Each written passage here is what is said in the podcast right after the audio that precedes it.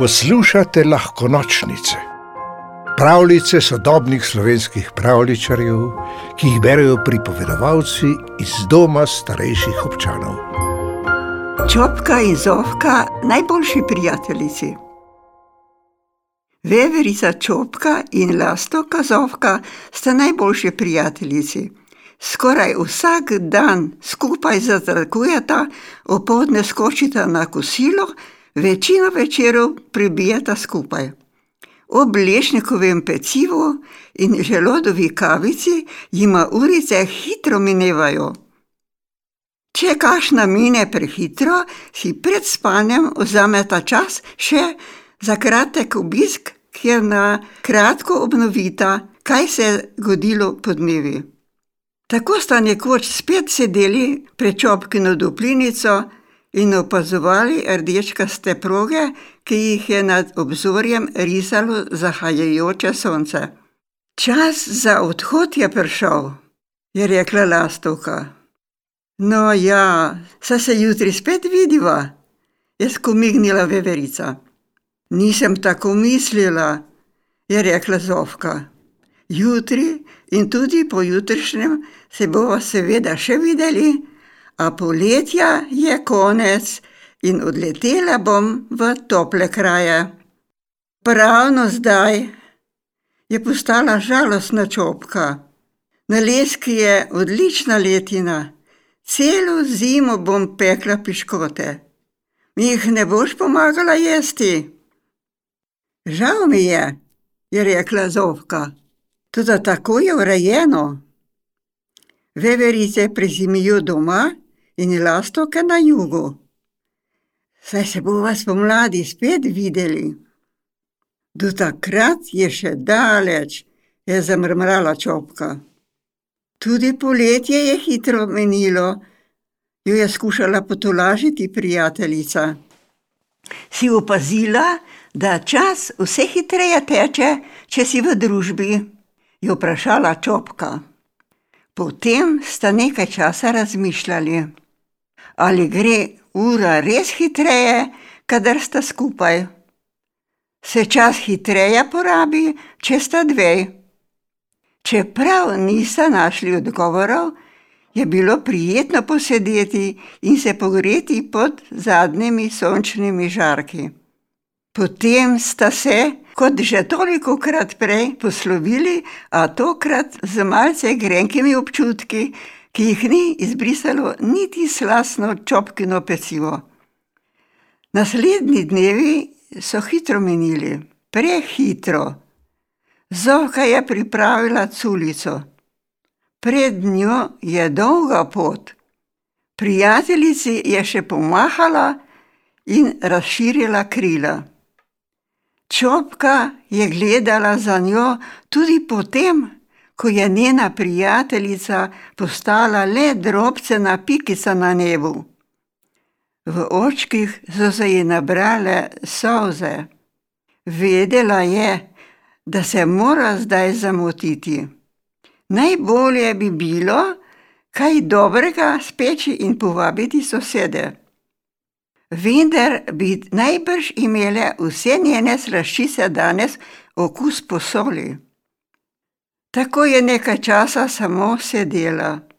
Le s kom si bo zdaj podajala storž ali igrala ristanc in kdo jo bo premagoval pri igri tri luščine v vrsto. Nato je od spodaj zaslišala šuštenje. Vanjo je gledal par radovednih črnih očk. Miška! Še nikoli je ni videla. Kaj delaš? je vprašala neznanka. Nič, je previdno rekla Čopka. Se mi je zdelo, je pokimala Miška. Ti pomagam? Če hočeš, je skomignila Čopka in Miška je zlezla k njej na vejo. Veverica si ni mogla kaj, da ne bi spet pomislila na Zofko. Kako elegantna je bila v primerjavi z malo sivo Miško. Imaš kaj za prigrizniti? je čez čas vprašala Miška.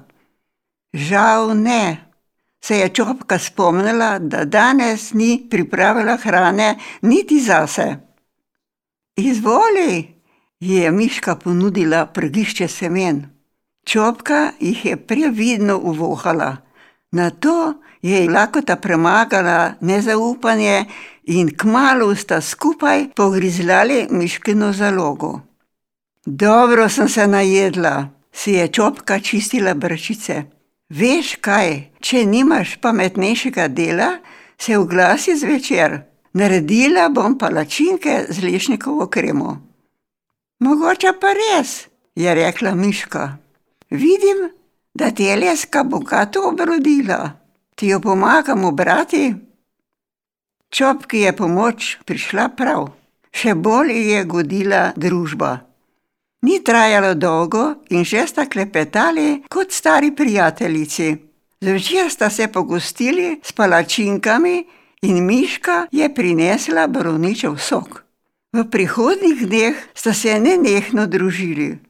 Miška se je pred kratkim preselila v gost in s seboj prinesla veliko zanimivih zgodb iz mesta.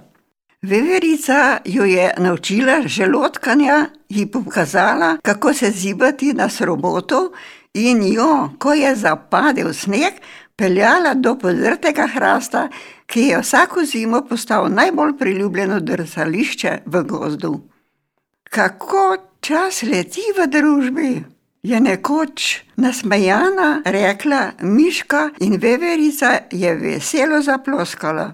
Nedolgo nazaj je podobno misel delila z Lasto Kozovko, prijateljico, ki je bila zdaj nekje daleč, a se bo prav kmalo vrnila. Potem bo treba na vejo pred čopkino duplinico postaviti še en stolček. Kaj praviš, Miška? je vprašala. Imaš lahko več kot eno najboljšo prijateljico?